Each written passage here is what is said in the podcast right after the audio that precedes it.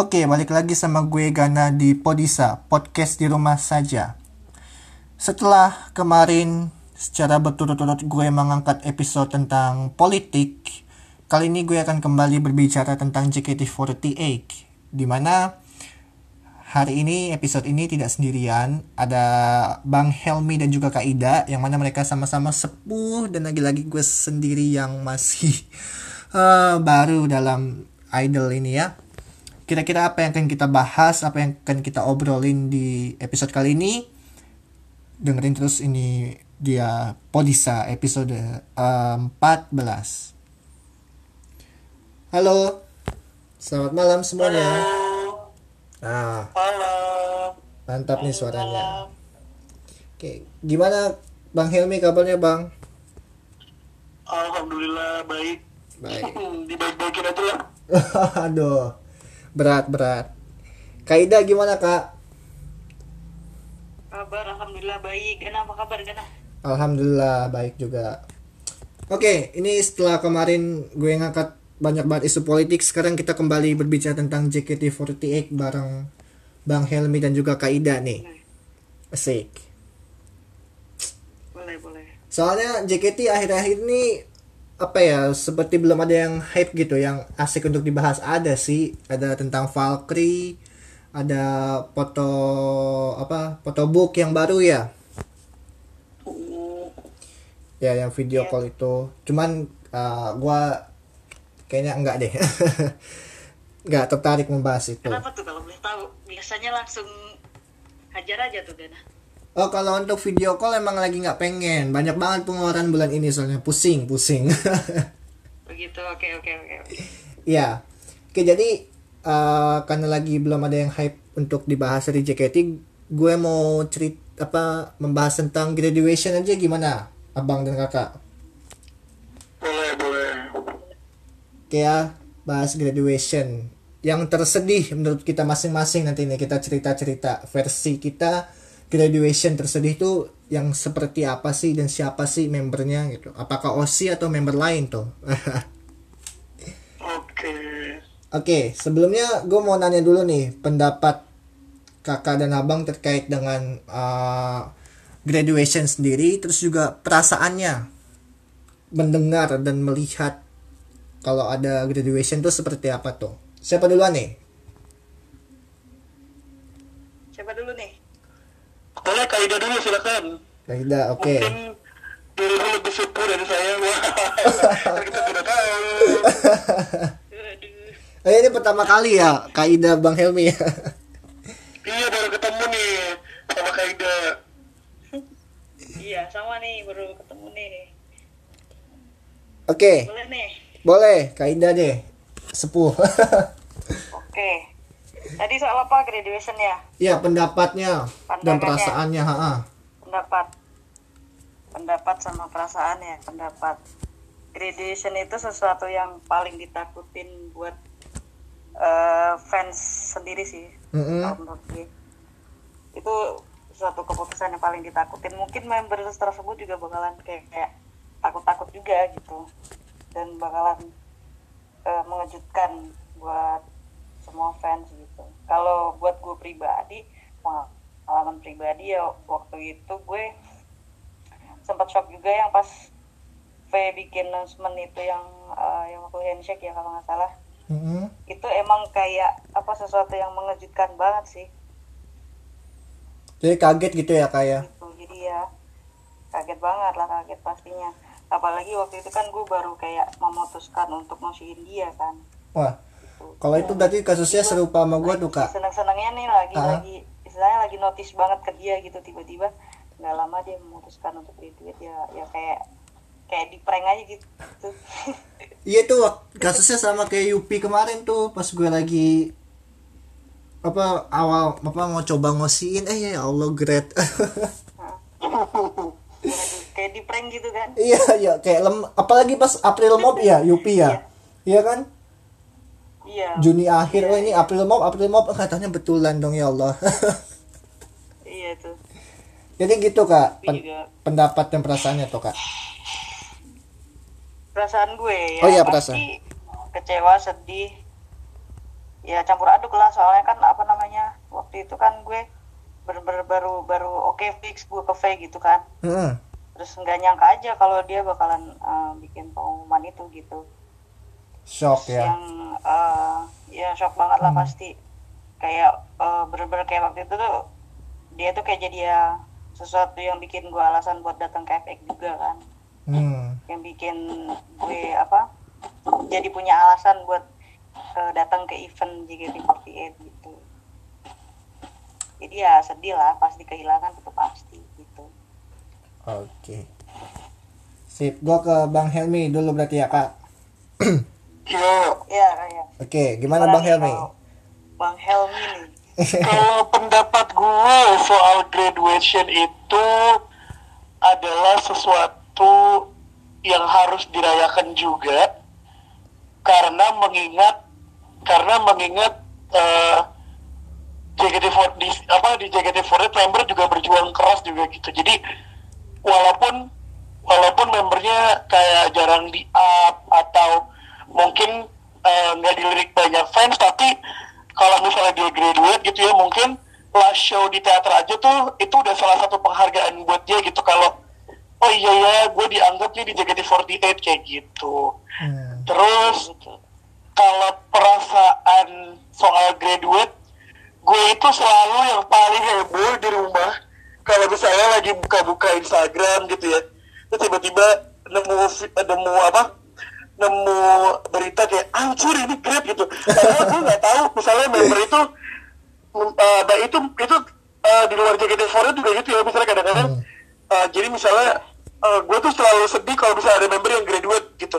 Baik di JKT48 atau sister group yang lain. Jadi kadang-kadang kalau misalnya di rumah gitu ya lagi tenang-tenang pada nonton TV tiba-tiba gue kayak anjir gue graduate gitu kan. Tiba-tiba orang kayak apaan sih? Berisik banget pasti JKT lagi deh kata gue gitu. Apalagi Terus kalau misalnya- lewat lewat lewat manajemen gitu kan nggak lewat iya kayak pasti wah itu itu kayak nusuk banget gitu kan. Terus jadi kayak Iya. kadang-kadang malah itu jadi salah satu wadah buat gue misalnya kayak member grup lain gitu ya. Oh member ini member tim si ini gitu. Gue cari tahu nih siapa ya. Apalagi taunya pas lewat ALR doang. Iya iya taunya oh ternyata membernya ini ini ini gitu kalau lewat pasti LR shock sih kalau gue kalau gue mah selalu kalau gue mah selalu shock anjir kalau denger kalau denger announcement graduate tuh gue selalu shock lah. Gak mungkin gak shock gue kalau lewat LR kayaknya Iyalah, belum seberapa dah kak. Yang lewat web itu kayaknya yang yang seru iya tiba-tiba manajemen bawa eh, kasih pengumuman gitu ya. Iya itu. berita berita berita tentang bla bla bla dari tim J. Ah kayak padahal ini orang gak ada angin gak ada yang apa gitu. mulai tanggal ini gitu kan. Iya. bahwa yang bersangkutan sudah tidak mengikuti sudah tidak iya sudah tidak melanjutkan kegiatan di JKT48 mohon mohon maklum adanya dan mohon terus dukungannya. Ah! Gila gitu ini kasih penjelasan kayak kenapa Kayak- gitu? kayak ditusuk dari belakang ya bang ya? Tiba- pakai trisula lagi ya kayak tusuknya. Kayak kayak dipanggil di jalan gitu kan eh pas nengok ditusuk tuh kayak anjir tuh kayak rasanya tuh kayak gitu gitu. Kayak kita nggak kita nggak tahu apa-apa tapi ya kok begini? gitu. Kalau gue sih gitu rasanya ya. Biasanya itu yang yang seringnya yang ada ter apa masalah gitu kali ya member yang bermasalah kesehatan ya, atau kemarin yang yang sering banget yang akademi kenapa ya? Iya tahun lalu kan banyak banget ya kayak kenapa ya? Kayak gue kalau akademi apa ya? Kalau di akademi yang gen-gen mulai gen 6 mungkin teh dari mulai gen 7 gen 8 lah gue udah mulai pesimis dengan dengan yang kayak ya udahlah kalau mereka graduate sebelum masuk tim udah hal yang biasa menurut gue. Kayak yang sering kak Ida bilang gitu ya kak. calon-calon pionir gitu ya. Kayak pesimis gitu ya bakalan ada calon-calon pionir gitu. Iya kayak ah ya udahlah paling lu grade cuma gara-gara pengen apa pengen apa gitu. Jadi gue jadi sungguh malah tau gak sih kalau misalnya ada kalau ada uh, member akademi yang grade gitu walaupun dengan alasan orang tua sakit inilah sekolah inilah kalau gue sih jadi kayak ya ya lo numpang dapat follower doang apa gimana sih gitu. Karena memang belum dia belum ber- dia belum Dapat. kesempatan buat bersinar kita belum tahu dia seperti apa di stage gitu kan. Kita udah great ya ampun gue udah solusi aja tuh bawaannya. Dapat ketok magic jot doang kali bang. Separuh udah grade aja gitu ya. Iya. Oke. iya sih. Berarti itu tadi ya dari Bang Helmi ya Bang ya. yoi. Selalu apa selalu sedih juga kaget pastinya ya. Apalagi tadi ada dari LR, dari pengumuman di web atau tahu langsung itu kan juga macam-macam tuh pasti. Shocknya dan juga perasaannya. Sekarang gue mau tahu nih cerita dari Bang Helmi dan Kak Ida sebelum mati terakhir gue yang cerita tentang eh, menurut kalian berdua itu versi kalian graduation tersedih itu siapa sih dari siapa membernya di JKT Bang Helmi dulu tuh. Oke tadi kan ya udah. ya. Oke. Deh iya. Apa tadi graduation paling sedih ya? Iya menurut kayaknya lo. kayaknya pandangan gue mungkin agak berbeda ya sama fans-fans lain mungkin yang eh, kalau misalnya kalau mau dibilang osinya great siapa sih yang nggak sedih gitu kan Ya. semangat kita di JKT48 great Ya. gitu dan eh, kalau misalnya kita belum bisa move on eh kalau nggak kita dituntut harus bisa move on gitu buat gua tahu nih arahnya ke siapa Eh, nih bang cari, cari oshi cari oshi baru gitu gitu kan Oke. Cuman kalau dari gue ya Mm-mm. graduation paling sedih di JKT48 adalah deng deng deng deng graduation Deng, deng, graduation deng. semua member-member yang udah dibikinin konser ataupun last show sama JKT48 operation team. Kenapa gue bilang semua member yang udah grade itu grade-nya termasuk yang menyedihkan? Karena kalau menurut gue ini gue sih ngebandinginnya mungkin terlalu jauh ya. Kalau gue ngebandinginnya ya JKT sama AKB lah yang paling dekat. Mm-mm. tapi jauh juga sih.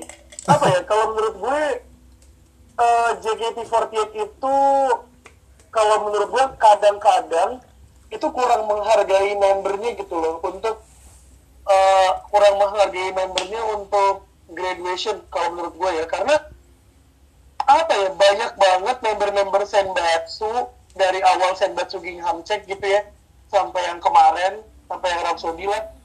Itu apa ya kalau menurut gue banyak Senbatsu yang tidak mendapatkan graduation konser gitu yang harusnya mereka pantas mendapatkan itu kalau menurut gue ya. Mungkin kalau member-member yang biasa aja yang uh, masuk single management atau biasa masuk ya biasa masuk line up di teater lah gitu dia mungkin dibikinin live show udah seneng alhamdulillah gitu menurut gue tapi kalau menurut gue untuk member-member yang ada di jajaran Senbatsu, Sosenkyo, Janken Taikai, Competition, sama eh, apa namanya? Gue lupa tuh. Senbatsu, Janken, Uh-uh. Sama Underdogs lah ya pokoknya di Senbatsu itu. Mm-mm. Menurut gue mereka, menurut gue mereka pantas loh untuk mendapatkan graduation konser yang khusus untuk mereka sendiri gitu. Paham gak maksudnya? Hmm. Karena Iya, paham, paham. beberapa konser coba deh ke lo bisa lihat nih ya dari semua graduation konser yang pernah dilakukan sama JKT48 itu cuma Melody yang dapat konser solo iya itu paling kacau Kinal bukan Iya, graduation ya kak bukan konser ya kak Kak Ida iya seremoni ya iya bahkan Iya, Kinal emang. aja bahkan Kinal kalau menurut gue malah kayak event kecil-kecilan gitu kan dan gue bukannya gue bukannya harus memprioritaskan Gen 1 tapi oh ke mall lah JOT gitu Gen 1 mungkin jasanya gitu kali gitu bang gitu. yang dilihat bang maksudnya Ya. tot apa eh, selama melodi di situ gitu loh Loh, kalau misalnya dihitung, kalau dibilang jasanya Melody nggak bisa juga dong. Mm-mm. 24 member generasi satu tuh membangun image JKT48 dari tahun 2011 tuh susah loh. tapi kan Ya, akhirnya image orang JKT48 melodi itu bang Meyakinkan, bukan iya sih memang Melody kan sebagai S-nya JKT48 ya absolute Iya. center wajahnya wajahnya JKT48 juga. Tapi kalau menurut gue, itu tadi gue bilang kalau JKT48 kan banyak tuh senbatsu senbatsu apa senbatsu single member-member terkenal yang di AKB48 itu pasti mereka punya graduation konser sendiri. Ya kan? Ada Atsuko graduation konsernya sendiri. Eh walau terus kayak misalnya eh, Tomochin, Mariko sama sama si Akigori walaupun mereka di dalam satu event yang sama setidaknya satu hari itu konsernya buat dia gitu. Dan kalau menurut gua di JKT itu nggak begitu. Contoh Iya. kayak konsernya Veranda. Ya kan Jessica Veranda graduation konser. Barengannya sama Senbatsu. Senbatsu ketiga dia ketiga apa keempat sih? Lupa. Itu loh. Dan itu ke 13 iya maksudnya itu sing apa ya? Eh iya iya maksudnya kayak show satunya graduation konser terus show duanya eh Senbatsu. Menurut gue tuh itu nggak adil kalau menurut gue sih ya. Kayak Karena- wisuda kelopak bunga karena sakura harusnya- kemarin kan bang? Gitu kan? kalau menurut gue gitu. ya iya. Iya, karena momennya kebagi. Kalau menurut gue, ketika ketika member sudah memutuskan untuk graduate, ini adalah waktunya JKT48 Operation Team itu mengucapkan terima kasih yang sebesar-besarnya buat member itu gitu, tanpa pandang bulu menurut gue. Tapi mungkin ada beberapa alasan yang membuat eh, JOT untuk ya udahlah digabungin aja, mungkin hemat biaya atau apa gitu ya. Hmm, itu utama tuh Tapi kalau menurut gue harusnya sih harusnya diperjuangkan gitu loh untuk konsernya dia sendiri gitu. semacam Untuk balas budi kali ya bang ya sampai- harusnya ya Jangan iya maksudnya kan kalau di di JKT kan sering banget eh, konsernya kan digabung-gabung tuh tadi gue bilang yang Iya. Veranda sama Senbatsu single, Haruka sama konser ulang Sanju Sanju bareng request hour. Yupi Yupi. Ya kan? Yupi sama konser solo tim J. Ah, ah. aduh ampun banget deh kelopak bunga sakura bareng eh, bareng senbatsu juga ya? Ya iya. Kemarin. Ya kan Batsu, bareng senbatsu. Aduh. Itu menurut gue adalah hal yang sangat sangat memalukan sih buat gue. Cuman mungkin ada tapi kan kita nggak pernah tahu ya alasan dibalik eh, alasan JOT dibalik semua itu tuh apa iya gitu. itu pendapat kan ya Mm-mm. eh, apa ya walaupun seberat sekeras apa pun kita komentar mau itu head comment atau good comment buat JOT tapi JOT tuh juga berjuang gitu buat buat eh, membuat fansnya tuh makin apa ya membuat membuat senang fansnya lah gitu walaupun ini misalnya graduation konser kayak gitu gitu loh Hmm. kalau menurut gue sih itu sedihnya di situ karena member-member tidak mendapatkan eh, yang seperti tadi Kak Ida bilang apa momennya dia sendiri tuh nggak ada gitu. Walaupun di konser tersebut dia jadi center dari awal sampai akhir gitu. Tapi menurut gue itu bukan bukan harinya dia gitu. feelnya beda ya bang ya? Kalau menurut iya feelnya tuh beda gitu. Kalau menurut gue sih gitu ya. Kalaupun emang eventnya mau digabung nih kalau menurut gue. Kalaupun eventnya mau digabung itu tuh kayak kayak EKB gitu. Jadi tetap satu hari ya konser tulisan doang baru besoknya senbatsu kayak gitu kalau JKT kan siangnya graduation konser bawahnya eh, SSK. senbatsu Ah. atau bawahnya konser-konser yang lain gitu yang menurut gue malah jadi makan waktu yang eh malah jadi kayak mau waktu gitu yang tadinya harusnya konsernya bisa tiga jam atau empat jam khusus buat dia sendiri gitu waktunya buat dia ini malah jadi kayak teater biasa dua jam atau kayak dapat bonus song dua setengah jam atau tiga jam doang gitu udah Dan gitu tuh jadi momennya buat member tersebut sih menurut gue. Ya kalau dilihat dari membernya juga otomatis latihannya juga lebih di pause ya bang ya?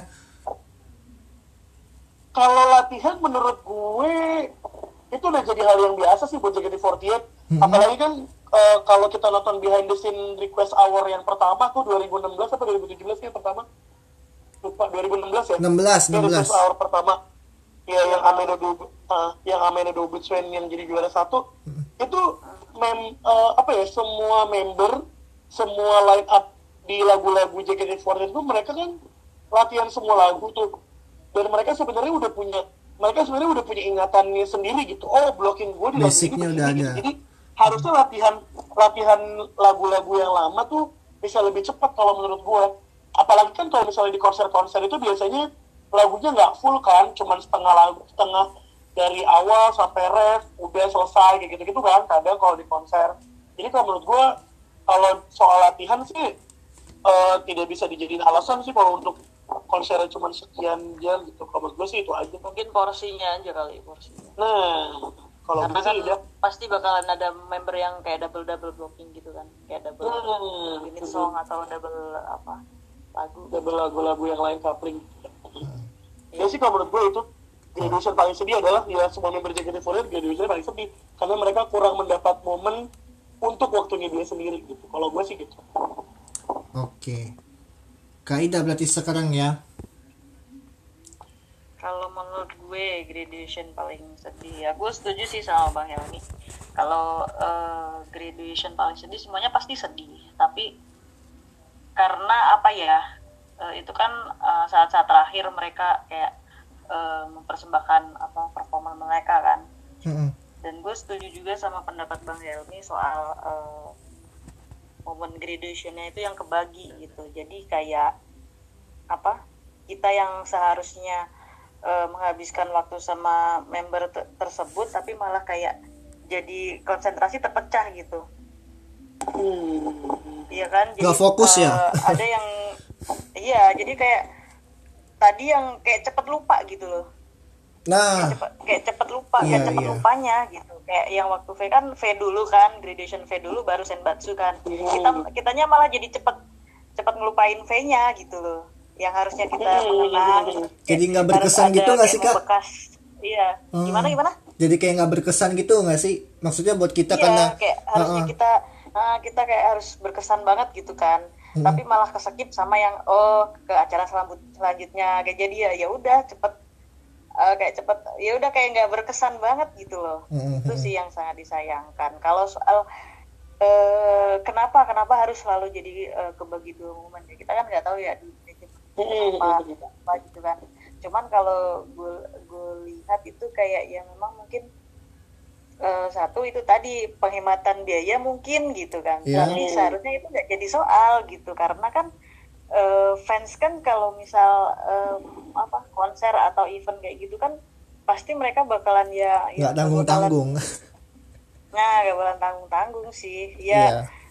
manajemen kembali lagi kayaknya ke eh, ke ininya lagi apa sih waktu itu sempat pernah gue bahas sih sama Gana juga marketingnya sih Marketing. kayaknya PR banget ini Iya. tuh. PR banget gimana caranya bikin acara yang kayak eh satu tiket itu dua momen tapi jangan satu hari gitu loh gimana caranya gitu Oh iya Jadi bagus tuh kak. tiket itu mengikat gitu loh ya kan Gimana gimana gimana gimana? Jadi tiketnya terusan tapi di hari yang berbeda gitu ya kak. nah jadi itu Oh iya iya iya iya iya paham paham paham paham paham.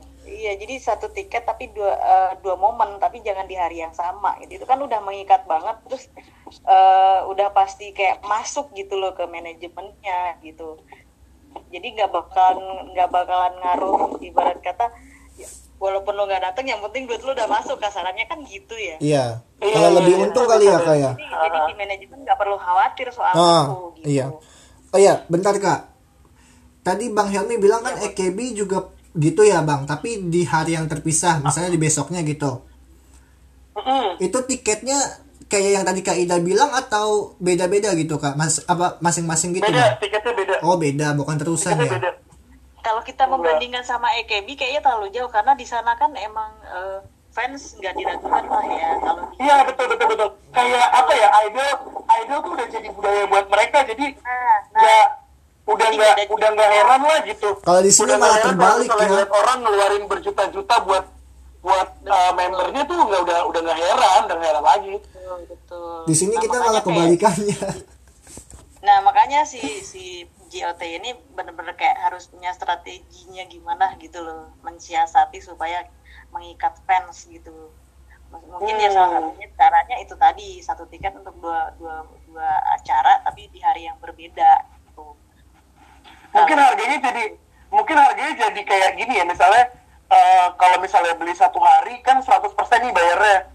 Jadi yang Iya. keduanya yang keduanya ya harganya 50 atau 75%. Jadi misalnya kayak harganya harga tiketnya misalnya kayak tiket teater 120 ribu kan 120 ribu terus tiket Iya. berikutnya diambil 75 nya aja gitu diambil 75 atau 50 persennya jadi oh jadi jadi misalnya gini 100 185 ribu buat dua hari gitu kan Ya iya itu maksudnya Worth it lah. digabung gitu Kak. Ah, ah. kayak gitu sih kalau menurut gue worth it sih 100 Iya. misalnya kayak Bisa. 180 apalagi kayak lu mikir gak sih JKT48 itu adalah salah satu ya istilahnya artis artis eh, Indonesia ya artis Indonesia yang tiket konsernya itu termasuk yang murah banget coy Iya murah, Murah banget. murah parah. ya gak sih Murah parah. Gue sebagai pelajar Jangan- sangat tertolong jangan- dengan itu. jangan kan event konser gitu ya. Maksudnya jangan kan event konser gede. Tapi kayak teater aja lu kayak lu cuma bayar 120 ribu ya itu dengan dapat lu bisa datang ke mini konsernya teater gitu kan. Teater tuh kan mini konser kan. Iya. lagunya Jam, banyak. dua lagunya banyak ya kan terus lu bisa interaksi sama member gitu di warung lah terus eh, apa high top setelah itu kan menurut gue tuh artis Indonesia tuh nggak ada main yang kayak gitu untuk Nggak ada yang coba kayak deh gitu. kayak kayak contoh Raisa deh emang ada Raisa bikin bikin konser kecil-kecilan di kafe gitu kita bayar murah kita bisa ngeliat dia perform uh, full gitu dua jam kan kagak. Nggak ada. JKT doang cowok yang bisa mengjkt itu keren banget deh. Emang itu sih yang harus diacungin dari sega dari segi sistemnya dari JKT ya. Buktinya kan Hmm. banyak boy band girl band dulu dulu nggak bertahan cuman JKT yang bertahan. Walaupun secara konsep JKT bukan girl band gitu ya. tapi secara sistem kita Betul, bisa betul, lihat betul, betul. Kita punya award sendiri kok gitu ya kan? Request award itu kan bisa kan jadi award kita gitu buat lagu. Terus jadi kita kayak punya dunia kita sendiri cuman impact negatifnya ya gitu. Jadi kesannya kayak jago kandang yang gue bilang sama Kaida itu kak. Nah, kayak iya benar-benar kayak iya jadi apa ya maksudnya dengan Terlalu kita punya fans. iya iya. Dengan kita dengan kita punya rumah sendiri gitu. Kita punya acara kita sendiri jadi kita lupa untuk gimana nih ngegayat semua warga negara Indonesia supaya menjadikan JKT48 itu sebagai idola nasional kayak JKT48 gitu loh. Itu. Betul. Terlalu nyaman ya kak ya bang? Iya sih gue malah kepikiran gini guys. Iya. kalau misal nih nanti suatu saat bakalan ada konser gitu ya gue pengen kayak eh, kayak kita kita fans tuh ditantang gitu loh. Kayak buy one get one gitu gak sih? Kita ngajak orang asing gitu buat kayak new experience situ, gitu kak ya. Iya kayak new experience tapi di konser gitu ya? Di konsernya atau di Hmm. eventnya gitu loh. Misal kita beli misal handshake nih kita beli tiket handshake buy one get one gitu kayaknya seru deh. Hmm. jadi orang tahu gitu ya?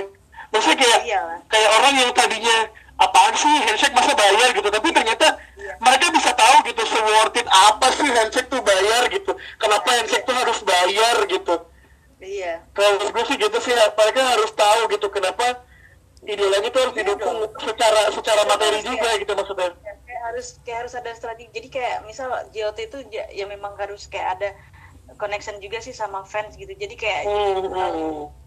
gimana caranya nih ngenalin uh, JKT melalui fans gitu. Jadi Iya. mereka nggak kerja sendiri gitu loh guys. Nah. Jadi ya fans kita uh, uh, buat yang nggak di new experience yang di uh, teater doang gitu. Maksudnya ya bolehlah diadain di handshake gitu misal atau di konser event lainnya gitu. Nah tadi minimal. Heeh. Nggak, gimana ya? Maksudnya kayak gini gini kalau menurut gue kalau eh, JOT itu kan apa ya fans JKT kan juga banyak lah ya, hitungannya banyak. Kenapa mereka tidak memu kenapa mereka tidak memulai dari mendekatkan dirinya dengan official fans club? Nah bang gini bang. Sebentar bang. Yang sering yang sering yang sering banget dapat Iya, iya, betul. tiket teater dia bisa dapat dengan mudah tiket event konser istilahnya mereka udah punya slot sendiri gitu Oh. ini buat OFC sekian gitu nah kalau OFC nggak laku bisa pindahin ke general bisa pindahin ke VAR gitu kayak harusnya mereka lebih menggait OFC dengan ayo kita rapat gitu. Rapat barengan untuk Ya. berapat nih bareng JOT gimana ya jika di ke depannya gitu? Setlist apa ya kira-kira yang cocok untuk ke depannya? Kenapa harus bawain setlist ini? gitu. Kira-kira kalau single ini dikeluarin berikutnya eh, impact buat fans untuk fans maupun non fans gimana ya di Indonesia? Kan bisa gitu diajak diskusi. Karena AKB48 dari dulu tahun dari 8 Desember 2005 kenapa AKB48 bisa sampai sekarang gitu. Nomor 4 penjualan di dunia coy. Itu karena mereka menggait fansnya secara utuh. Nah.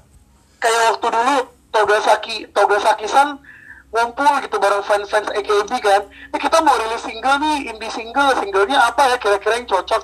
Bahkan dia nanya dong sama fansnya. Makanya waktu itu eh, keluar pertama single indinya Sakura no Hana Beda Tachi terus kedua Skirt Hirari itu mereka harus diskusi sama fans gitu. Mereka gitu yang turun terjun langsung untuk bergandengan sama fans. Tapi kalau di JKT kenapa kenapa nggak bisa begitu? Nah gini bang. tuh. gue pernah mikir gini. Eh, kenapa sih kenapa berjarak gitu? Iya, Jod kayak Iya. nggak mau membangun hubungan sama fans, tapi gini, karena artis lain juga ada kok yang manajemennya mau apa berhubungan dengan fans, tapi mereka tetap punya batasan gitu. Kenapa itu nggak dicoba sama. Jod gitu? Jadi kedekatan itu ada ya untuk masukan secara internal juga kan, untuk input masukan, tapi tetap ada batasannya gitu. Sedangkan selama ini dari Golden Rules yang ada fans kan udah tertib sama membernya sama idolanya gitu. Mereka udah kalau yang member turun panggung nggak pegang-pegang tangan gitu, itu kan udah menertibkan fans sendiri. Otomatis dia udah punya semacam apa ya batasan itu dan kenapa itu nggak dicoba Hmm. ke manajemen gitu kan menjalin hubungan sama manajemennya Eh tunggu bentar deh, kita kan tadi kan bahasnya graduation kenapa jadi bahas konser? oke oke ya balik Kaida tadi gimana berarti itu kak ya. sorry Iya, sorry jadi ke, jadi jadi ke trigger yang lain nih. nggak apa-apa kalau seru bikin dua part nih Ya, para pendengar podcastnya Gana, kita luruskan kembali, kita kembali ke topik. Iya, Oke, boleh, oke. jadi agak melenceng ya guys sorry ya Iya. guys Sorry ya. terlalu luas kayaknya ya ya Kalau gue tuh kalau di podcastnya Gana tuh berapi-api gitu kalau soal JKT48. Kenapa semangat ya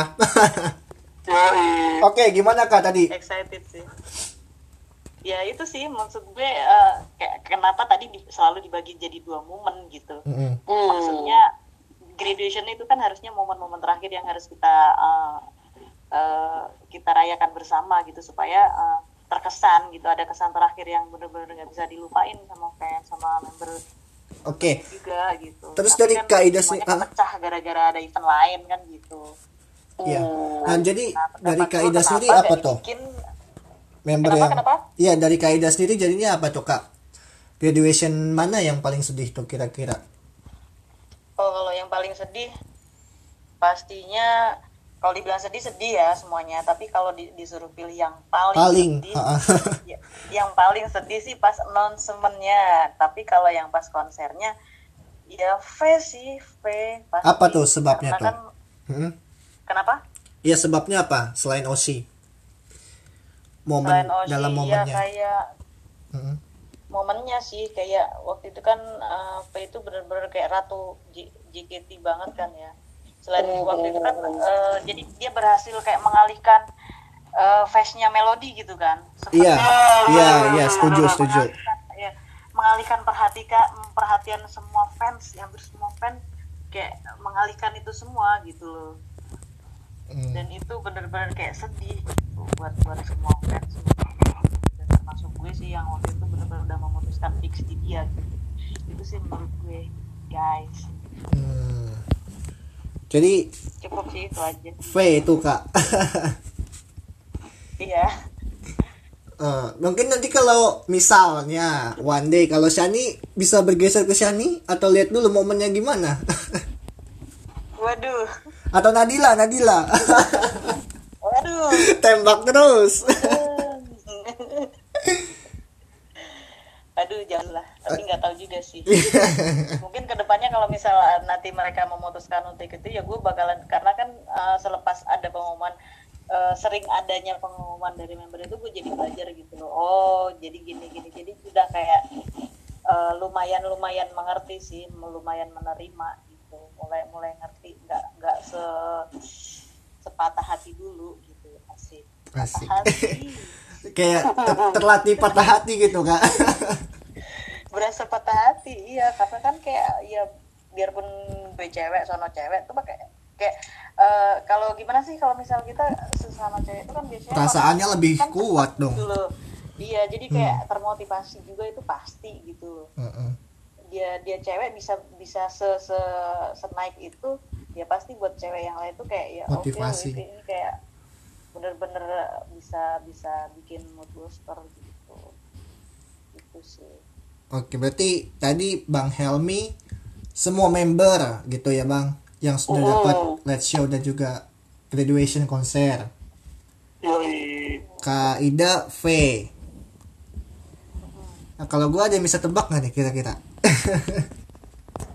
Pasti lu belum lihat anjir. eh, Osinya dia banyak banget. eh Kak Ida jangan Kak. Kak jangan Kak. Satu grade ya udah ganti. Astagfirullah jangan. Jangan Kak jangan. Gue boleh nambah satu nggak? Gue boleh nambah satu lagi. Iya, boleh, boleh. Siapa tuh? Graduation paling sedih. Wisuda itu sih kelopak-kelopak bunga sakura gue sedih. Itu sedih gue sedih kenapa mereka kalau gue sedihnya kalau mereka bersembilan di konser yang sama kalau kalau gue sih lagi-lagi gitu Berarti karena Tapi momennya ya, Bang, ya? di situ di sana. iya walaupun ah udah lah Iya berasa tuh bang itu berasa berasa banget karena emang konsepnya beda ya sama biasanya kan ya gitu iya iya ya. Eh, tapi konsep Beda. konsep itu pernah dibawain sama eh bentar gue lagi hitting ya. konsep itu pernah dibawain sama SKI48 jadi waktu itu Iya. eh, kalau dia tuh konsernya barengan kayak mereka lagi konser terus kebetulan sembilan member itu graduate dan mereka juga ada satu hari buat konsernya mereka gitu untuk bersembilan orang itu terus mereka nyanyi pakai terus di kayak lagu kelulusan gitu kan kalau di JKT kan better ya Ah, ah. Nah, nah, nah, terus kalau di kalau di SK itu juga mereka punya lagunya, terus mereka pakai pakai dressnya masing-masing gitu. kan. Hmm. Hmm, Iya, iya. Mungkin tuh yang bikin sedih salah satunya karena keadaannya kali ya bang. Di mana tahun itu kan emang bener banyak banyak ba- apa banyak banget member yang mutuskan untuk Ah, grade bener, gitu. bener, bener, bener. Itu Yang sampai satu hari itu kalau nggak salah 9 member. Kayak badai, kayak badai teranti gitu loh. Ah. Satu graduate, ini graduate lagi, satu Ah. lagi graduate lagi gitu kayak ah gila sih ini. Itu gua persis banget bang siangnya baru teateran, terus sorenya yang show malam itu ya. Bareng lagi ya. Nah itu yang pas TV juga itu loh kak. Nah itu gokil sih. Yang satu hari Itu yang 9 habis member. pengumuman ribus kalau nggak salah ya. Ya, itu yang bareng pengumuman ribus bukan sih? Emang itu ribus ya? Itu Kalau yang bukan. ribus, Ribus mah pas Kalau ribus baru mah- grade. kalau Ribus itu yang gak ikut Senbatsu graduate tuh Sinta Naomi terus Oh, yang eh, ini Lydia Maulida Juhandar Hmm. terus Oh, iya, siapa lagi tuh ya beda beda beda Beda. Beda ya, beda ya. Melo itu 2018 ini tahun kemarin ini yang wisuda kan. Iya benar jadi Apalagi itu nih? tambahan satu itu wisuda. iya iya ada apalagi nih kan Oke, kalau gue berarti ya aduh. Ceritain nih. Lu dong Gan, lu paling sedih sama siapa lu? Hmm, Iya, kalau paling sedih sih paling sedihnya malah itu pas melodi. Tapi yang nangisnya itu pas Yupi. Gimana tuh coba? oh gue pikir gue pikir lu yang nangis di eh, last show-nya Melody eh bukan, yang yang viral itu, oh, Bang. bukan bukan. Oh, Bukan itu. Iya, Kirain kan? Itu. bukan pas lagi itu. Sakura no Hanabila Tachi kan Iya pas itu. Bukan, bukan gua, bukan. Oh, bukan ya. Iya. Itu Berarti, Heeh. berarti lu nangisnya, berarti lu nangisnya pas yang eh, apa? Eh, i, apa Ah. untuk terakhir izinkanku mengakui bahwa ku tak sendiri. Tapi kayaknya pas bukan- coy, gila. pas bukan lagu itu deh. Di insert di insert live berenam tapi sentasenya banyak banget anjing. Iya, tapi kayaknya gue pas nangis pas bukan lagu itu udah bang kayaknya. Oh, bukan lagu itu bukan, ya. bukan. Iya, Bigi kata, bigi kata. Kayaknya kalau nggak salah Migi kata deh. Migi kata tuh. Nah, Nama asik. cadangannya banyak bang. Oh. Astagfirullahaladzim. Aku yang belum bisa move on dari melodi bisa apa sih? Aduh, Asik. kalau Melody belum nikah, gue juga nggak bakal move on bang. Udah nikah. Ya ampun. ya, gue sih ya, ya gue tidak bis, ya gue hanya bisa bermimpi lah ya untuk Oshi. Ya sama-sama. Aku ya, gue tau lah gue lebih bakar ya seperti suaminya melodi lah ya. Iya. Oke. Gue jelasin tadi kenapa Melody jadi yang graduation tersedih ya.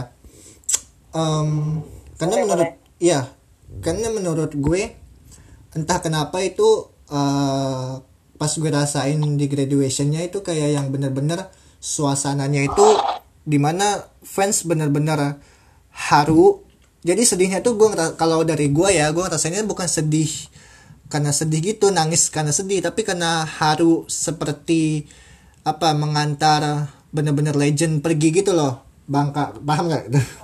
Kita kira nah jadi gue pengennya kalau ada konser lagi itu perasaannya itu feelnya itu feel feel kayak melodi graduation konser atau pas di live show-nya Itu gitu dia. itu kan bener-bener Kenapa? gimana ya fansnya erat banget gitu kan ya solid banget Karena konser melodi itu hanya untuk melodi sendiri.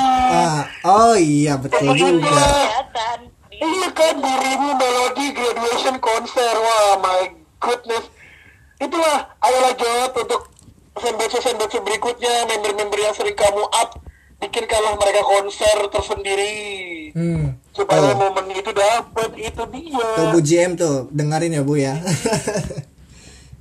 Jadi iya mungkin karena satu sisi tiket one by apa satu terusan. gratis satu iya.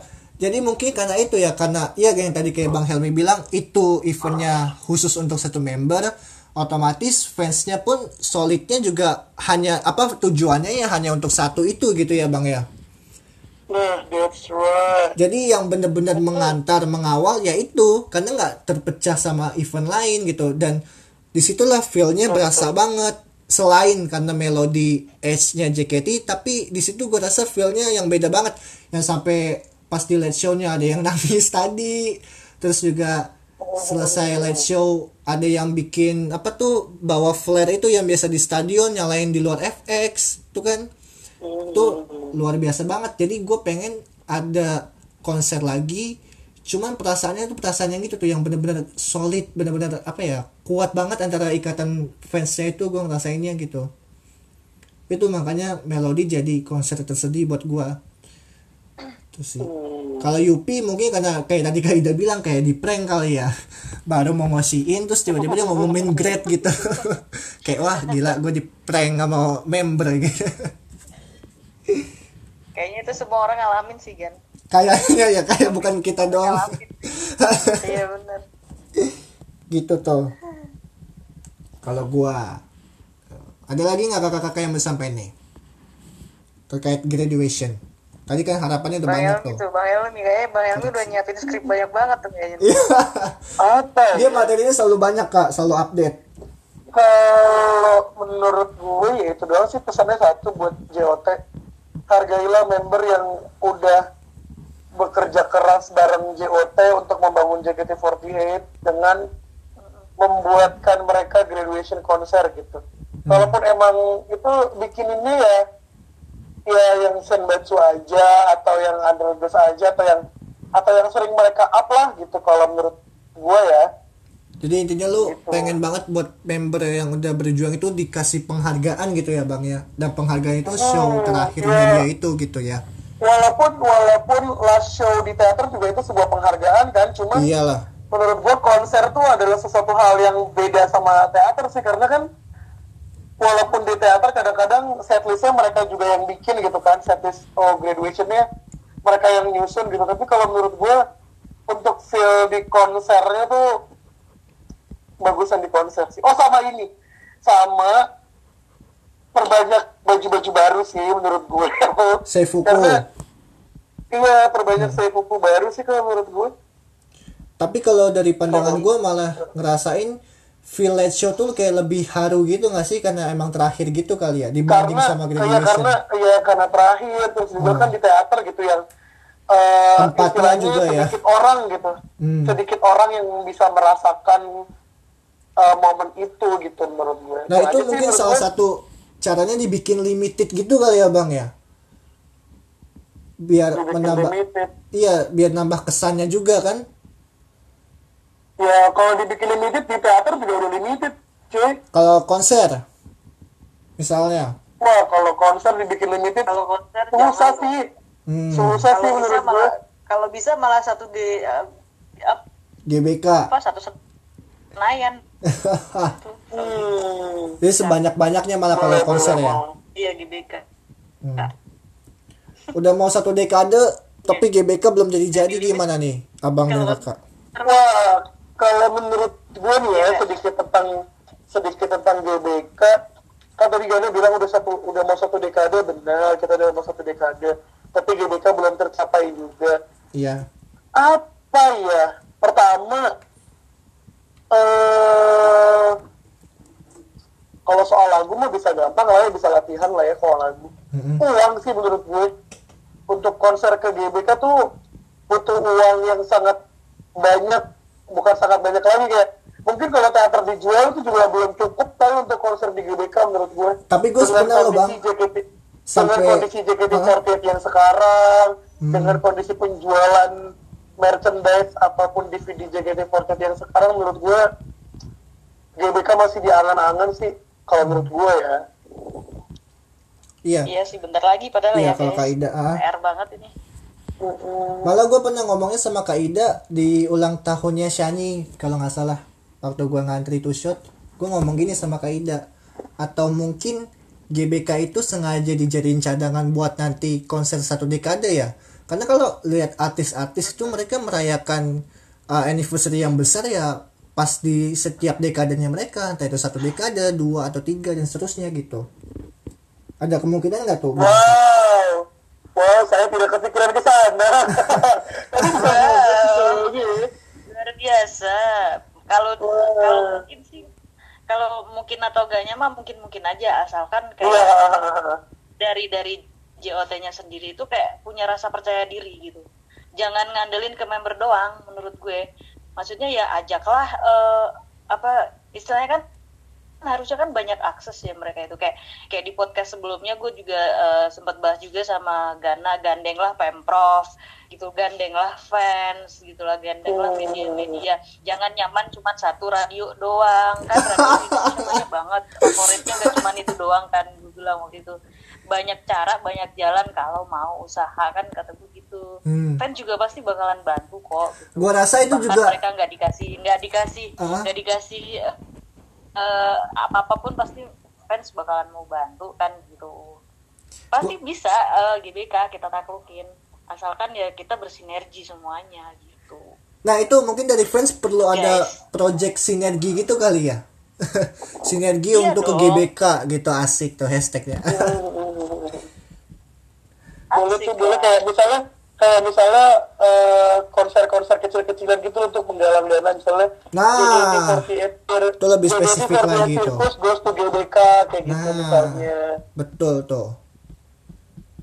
jadi orang juga tertarik buat yang ayo gitu buat eh, buat ke GBK gitu Atau kalau dari lihat pandangan lain ada sisi traumatik nggak sih bang dan kak? Karena kan dulu sempat coba-coba konser di GBK jauh-jauh sebe- gitu.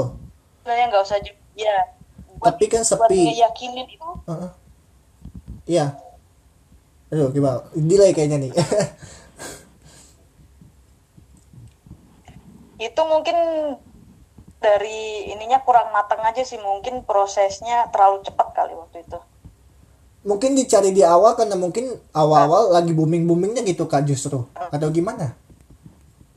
nah kan buat, buat bikin konser besar itu nggak nggak nggak nggak butuh waktu lama gak Iya, Kan, karena- Mm, paham itu. nah kita kan kan kita harus eh, iya cuman kan nggak semua fans Indonesia itu kan bisa ke ke GBK kan Hmm. jadi kayak sekarang mah nggak usah jauh-jauh deh nggak usah jauh-jauh ke luar Jakarta dulu Eh, kita eh, ambil aja dulu yang di kanan kiri depan belakangnya Jakarta Jabodetabek. aja masa di situ dulu kalau fans yang di Surabaya Jawa Tengah itu mah mereka nggak bisa dira- nggak diraguin lagi sih cuman kalau yang di seputaran Jakarta itu kayak mereka kayak masih malu-malu kucing kalau menurut gue hmm iya iya iya iya karena betul betul betul, betul. mereka kayak udah ketutup sama yang agak ke Korea Koreaan gitu Udah gitu pengaruh Iya, jadi, dengan eh, mungkin Mm-mm. Strateginya eh, kayak sirkus aja dulu ke daerah Bekasi ke daerah nah, Depok, Bogor, yang deket-deket Jakarta meng- mengalihkan perhatian fans yang mungkin dulu eh, pernah fans terus bisa comeback lagi gitu maksudnya. Iya, yang udah eh, terlanjur ke K-pop siapa tahu mereka nostalgia comeback lagi itu maksud gue. Oh oke, berarti gue nangkep lanjut. nih poinnya Kaida nih. Justru malah fans yang di daerah dekat itu yang nggak kita guide gitu ya, nggak ke guide sama kita gitu ya kak. Iya betul betul betul Hmm. betul. Malah yang jauh-jauh itu loyalitasnya nggak usah dibandingin lagi. Bisa Ah. dilihat bisa dilihat dari eh, kayak apa kemarin itu sirkus kemarin kita udah lihat lah dari fancam fancam itu mereka eh, se excited apa nggak diraguin lagi lah kalau mereka gitu. Mm-mm. Maksud gue yang deket-deket Jakarta ini gitu. Hmm. Kalau kita lihat di FA kan rata-rata kebanyakan yang kelas menengah ke atas kan. Nah kita ambillah pasukan pasukan break yang eh sorry sebut Pasukan receh. apa apa ya maksudnya pasukan pasukan yang di sekitaran Jakarta inilah anak-anak muda ya gitu kan Padahal kan sekarang teracuni sama yang K-pop K-pop gitu kan bahkan eh, banyak banget yang nggak tahu mungkin anak-anak sekarang malah bakal banyak yang nggak tahu eh, JKT itu apa gitu. Hmm. Bang Helmi ada lagi mau ditambahin nih Bang menit-menit terakhir. anak-anak Iya. muda Gimana Kak? gimana gimana Gimana tadi apa tuh? Masa ada terusannya tuh. Iya, ma- mas gue kalau eh, kalau menurut gue anak-anak yang sekitar Jakarta Jakarta sini itu banyak yang belum tahu JKT48 gitu. Mereka itu lebih taunya ke arah K-pop gitu kan. Mungkin ada pun kalau yang tahu itu mungkin kayak turunan gitu loh. Turunan dari kakak-kakaknya atau dari saudaranya yang lain Kayak gitu. gua Tapi berarti dong, tahu sendiri apa itu JKT48, mungkin banyak juga yang nggak tahu gitu. iya. Hmm. Jadi idol warisan gitu loh. Iya kayak gua dong. Gua kan warisan dari kakak Iya gua. iya. Iya. Oke oke. Bang Helmi apa Bang? Tambahannya buat terakhir. Ada nggak? Tambahannya apa ya? Apa ya? kalau konser-konser kalau konser-konser gitu gue sih lebih mengharapkan banyak lagu baru terus lagu barunya dirilis banyak baju-baju baru kalau gue sih lebih lebih ke sana ya kalau gue kalau di konser-konser tuh Oh. gue mengharapkannya itu karena emang gue kan suka JKT48 berfokus sama lagu sama baju kan Hmm. karena kalau misalnya member siapa member siapa yang paling cantik ya member JKT mana ada sih yang gak cantik kan kayak gitu Itu tinggal pilihan selera ya Bang ya. Gue- iya jadi gue lebih mengalihkan kayak eh, kira-kira lagu apa ya yang mau dibawain gitu Oke, oke. kira-kira baju baju barunya seperti apa yang akan dibawain nanti kalau gue sih lebih kayak gitu Oke berarti supaya nggak keluar topik nih Bang, singkat aja Bang. Tambahannya untuk perbaikan graduation tuh apa Bang? Tadi kan topik kita graduation nih. perbaikan graduation tuh adalah harusnya Jor menyediakan momen Mm-mm. untuk member itu gitu baik konser pribadi atau uh, sekonser solonya mereka atau That show. uh, di live show-nya lah pokoknya ya JOT berterima kasih lah sama member itu lah gitu kalau menurut gue sih gitu Oke, kalau Kaida gimana Kak? Terkait graduation. Singkat singkat. Iya, sa- sama sih. Sama sih kalau untuk graduation mungkin konsepnya konsep konsepnya kan selama ini monoton ya. Kalau bisa ya di di di diganti image-nya lah maksudnya di, di lebih refresh lagi mungkin ada apa apa gitu yang lebih berkesan banget gitu. Kalau bisa ya jangan dibagi momennya itu aja. Biar, biar fokus gitu ya Kak. Iyalah lebih biar lebih fokus, Oke. Sip. biar berkesan. Hmm. Oke. Bang Helmi cukup. yuk cukup Oke, Kaida. Cukup cukup. Oke. Ini terakhir pertanyaan ke Bang Helmi ini mau ditutup atau mau gimana Bang? ah kok terakhir deh gue gimana nih maksudnya Kol kayak kan biasanya kolan dulu. ah bebas sih gue lah gue lagi kosong kok. Kalau mau kalau mau ngekol lagi ngomongin JKT ayo. Gue mah hayo aja. Gimana Kaida? tinggal atur, atur aja jadwalnya Iyo, mau malam ini gas, mau besok gas, kapan aja gue mah bisa diajak diskusi soal JKT48. Oke. Ya udah berarti ini gua tutup aja ya. Gua closing. Oke deh. Oke. Sip. Makasih Bang Helmi dan Kaida ceritanya dan juga masukannya pastinya. oke sama-sama Sip. Ketemu lagi ya. Oke. Kasih semuanya. Selamat malam. Bam. Oke, terima kasih untuk kalian yang sudah mendengarkan Podisa episode kali ini. Semoga cerita tadi bisa sedikit meregangkan otak kalian yang stres, bisa jadi sedikit uh, relax dan juga bisa didengar tuh tadi oleh Bu GM ataupun uh, Om-Om Jot yang lain tentang masukan-masukan dari Kaida dan juga Bang Helmi mungkin bisa jadi bahan evaluasi untuk perbaikan JKT48 ke depannya terkhususnya untuk uh, graduation konser sendiri. Supaya momennya lebih dapet perasaannya lebih kena dan juga fansnya lebih solid pada satu tujuan gitu. Jadi nggak kepecah. Mungkin itu maksudnya dari dari 52 menit tadi itu mungkin intinya itu. Oke kita ketemu lagi di episode selanjutnya dan uh, tetap jaga jarak di rumah aja dulu karena DKI naik lagi nih kasusnya patuhi protokol kesehatan dan kita ketemu di episode selanjutnya. Salam produktif.